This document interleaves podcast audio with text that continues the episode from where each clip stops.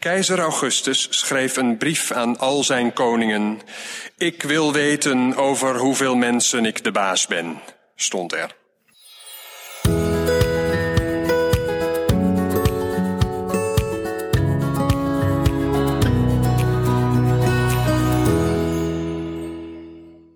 En het geschiedde in die dagen. Uit de kinderbijbel woord voor woord.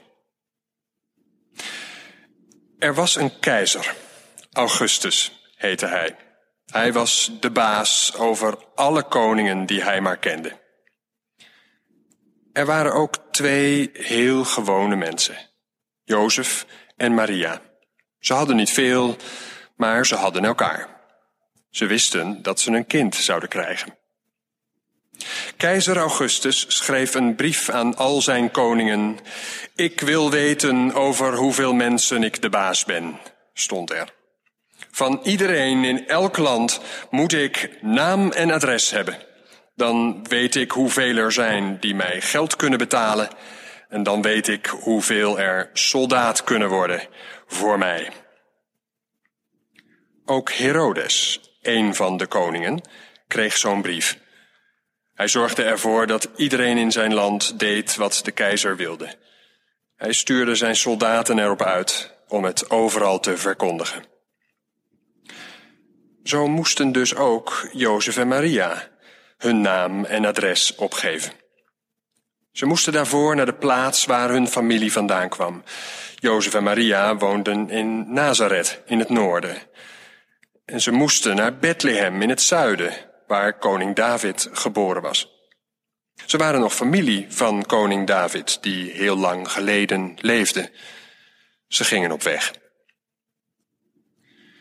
Nu was er geen eigen koning, zoals David, meer in het land. Er waren soldaten van de keizer Augustus. Er was wel Herodes, maar die was een namaakkoning, die alleen maar de baas mocht spelen, zolang hij deed wat keizer Augustus zei. Herodes was bang dat het hem niet zou lukken om de baas te blijven. Daarom was hij streng. De mensen waren niet vrij, de mensen waren ongelukkig. En jonge mensen waren daar kwaad om. Maar ze konden niets beginnen tegen Augustus de keizer of tegen Herodes de koning. Overal waren nu mensen op weg, alleen omdat de keizer dat zo wilde. Het was vaak moeilijk om onderdak te vinden voor s'nachts. Jozef en Maria vonden in Bethlehem geen plaats. Alleen achter het hotel, onder een kapot afdakje, buiten bij de dieren. Daar is toen hun zoon geboren. Jozef had gelukkig een paar lappen en Maria legde hem in een voerbak. Herodes zat intussen tevreden in zijn paleis. Hij zei, ik ben blij dat de keizer iedereen laat opschrijven. Zo kan ik er ook beter op letten dat ze gehoorzaam zijn. Er zijn er die geloven dat er een nieuwe, andere koning zal komen.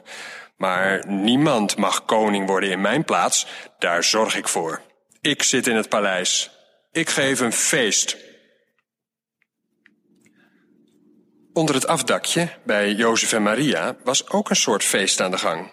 Ze waren blij dat er een zoon geboren was. En er kwamen zomaar ineens mensen langs die de hele nacht hadden doorgewerkt. Nachtwakers, meisjes die in het café hadden gewerkt, zwervers die geen geld en geen bed hadden. En ze kwamen feliciteren. En er waren herders die zeiden, zaten we gewoon buiten bij de schapen, schijnt er ineens een licht? En een engel zei, nou ja, precies dit. Een net geboren kind. Onder een afdakje. In wat lappen. En liggende in een kribbe. En iemand anders zei, ja, wij kregen te horen dat er een zoon geboren was. En we wilden hem zien, want het kan zijn dat hij de man zal worden naar wie we verlangen. De nieuwe koning die de wereld zal veranderen. De man die God bij de mensen kan brengen. Keizers en koningen weten hier niks van. Het gaat ze ook niks aan. Voor ons is deze zoon meer waard dan zij allemaal samen.